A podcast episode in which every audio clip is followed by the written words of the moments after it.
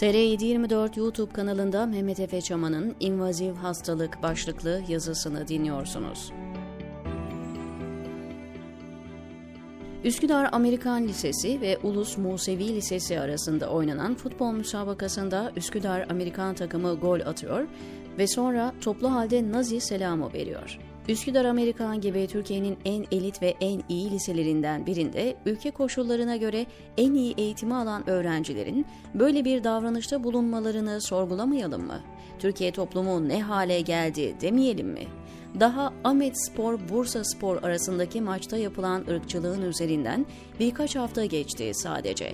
Bursa taraftarlarının barbarca sahaya yabancı madde attıkları, Ahmet Spor oyuncularını yaraladıkları, taciz ettikleri, ırkçı sloganlar attıkları, tribünlerde Kürtleri dövdükleri, stadyum dışında yakaladıkları Ahmet Spor taraftarları vatandaşları Kürt oldukları için darp ettikleri, Kürtlere tehdit altında ırkçı ve Türk üstünlükçü cümleler kurdukları falan çok yeni hadiseler.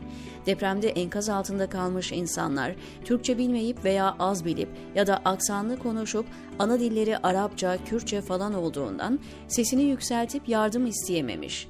Biz nelerden bahsediyoruz?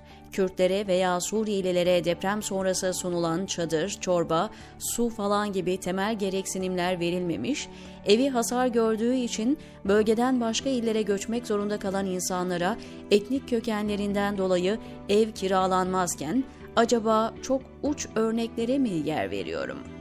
Ortalama muhalefet partilerinin mensupları bile Suriyelilerin acilen evlerine gönderilmeleri üzerinden popülist politikalar üretirken ve kısa yoldan oy artırma derdine düşmüşken bu yaşananlara şaşırmalı mı? Bahsettiğim sadece Ümit Özdağ gibi tescilli ırkçılar veya faşistler değil. CHP'sinden İyi Partisi'ne merkezin solunda ve merkezin sağında ve daha sağda birçok parti anti-Kürt, anti-Suriye, anti-Batı, anti-İsrail gibi söylemleri marka sloganlar haline getirmişken buna salt bir anomali veya münferit hadise olarak bakmak ne kadar doğru tanı olabilir?'' Türk üstünlükçü, ırkçı, aşırı nasyonalist, popülist, xenofobik, antiseminist, anti-Arap akım toplumda ciddi karşılık buluyor. Kılıçdaroğlu ve CHP bile Suriyelilerin geriye gönderilmesini seçim retoriğine eklemlemiş durumdalar. Sokaklarda Suriyeli kovalayıp darp eden çeteler video çekip sosyal medyada yayınlıyor ve bazıları bunları münferit, genele hitap etmeyen, küçük kriminal olaylar olarak görmekte ısrar ediyor. Sürekli bunların bir tür reaksiyon veya tepki olduğu söylenirken, dolaylı olarak e kardeşim geldiler haliyle vatandaş da tepki gösteriyor mesajı veriliyor. Bilinçaltına demografik bir sorun var türü algı ustalıkla yerleştiriliyor. Türkiye'deki Türk vatandaşı Ermeniler, Yahudiler, Rumlar, Süryaniler, Kürtler ve diğer etnik unsurlar sürekli olarak dışarıyla bağlantılı, birileri tarafından Türk milletini arkadan vurmak için kullanılan, millet denen kimliğe dahil olmayan şekilde konumlandırılıyor.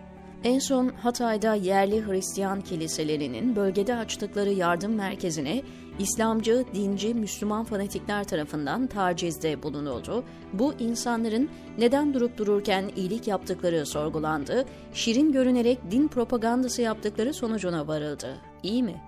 Binlerce yıldır bölgenin asli unsuru olan bu insanlar büyük bir sünnici, Türk üstünlükçü, karma Türk İslam anlayışıyla dışlanırken Türkiye toplumu bunlar ufak hadiseler modunda hayatına devam etti. İsrail'den gelen kurtarma ekibi kendilerini tehdit altında hissetmelerine karşın görev yapıp bölgede birçok vatandaşı enkazdan kurtarırken bazı Müslüman ve Türk gruplarca taciz edildiler. Sonra da ülkelerinin ilgili birimlerinden gelen uyarıları dikkate alarak apar topar Türkiye'yi terk ettiler. Yunan ve Ermeni kurtarma ekipleri konusunda da sorunlu bir algı ve yaklaşım vardı. Bir taraftan Yunan ekibine şükranlarını sunan bilinçli vatandaşlar söz konusuyken, amiral falan unvanlı fanatik Türk üstünlükçüler ya da medyada tanınan bazı kişiler bu ekiplerin Türkiye'ye başka amaçla geldiği dezenformasyonunu topluma yaydı. Zaten nanay durumda olan sosyolojiyi iyice radikalleştirdi. Ermeni ekibinin Türkiye'ye geldiğini zaten külliyen görmezden geldiler. Kıbrıs ekiplerinin ise Türkiye'ye giriş yapmasına bile izin verilmedi zaten. Bakın bu gidişat iyi değildir. Bunu yapanlar sadece aşırı sağ bir partinin marjinal tabanıyla falan da sınırlı değil. Tüm partiler tabanlarına da dayanarak ciddi bir xenofobi ve ırkçılık içerisinde debeleniyor. Üsküdar Amerikan gibi Türkiye'nin eğitim eliti olan varlıklı ve eğitimli ailelerden gelen 16-17 yaşlarındaki lise öğrencilerinin kendi ülkelerinin has ve has insanı olan Yahudi lise öğrencilerini Nazi selamıyla taciz etmesi artık Türkiye'deki patolojinin nedenli invaziv bir hastalığa dönüştüğünü kanıtlıyor. Bu bir sosyolojik kanserdir. Önlem almak gerekir. Artık akla selim ve mülayim, rasyonel ve mantıklı, etik ve ilerici, hümanist ve kapsayıcı aydın kesimlerin seslerinin soluklarının kesilmiş olduğunu görmek ciddi bir endişe kaynağı olmalıdır. Türkiye'de Türk üstünlükçü, ırkçı, nasyonalizmin ve pompalanan tezlerinin ülkeyi 100. yılında böylesi bir feci uçurumun kenarına getireceği belliydi. İsmail Beşikçi gibi, Ahmet Altan gibi, Yaşar Kemal gibi, Orhan Pamuk gibi birçok ses uyarılar yapmıştı. Bu patoloji, bu metastazları tüm vücudu istila etmiş olan ölümcül kanser artık hücresel seviyelerdedir ve tedavi imkanları son derece sınırlıdır. Kritik eşik aşılmak üzere. Türkiye toplumu radikalleştirildi. İnsani, rasyonel, etik, merhametli erdemleri komple yok edildi. 1930'ların Hitler Almanyası gibi bir dönemde ülke.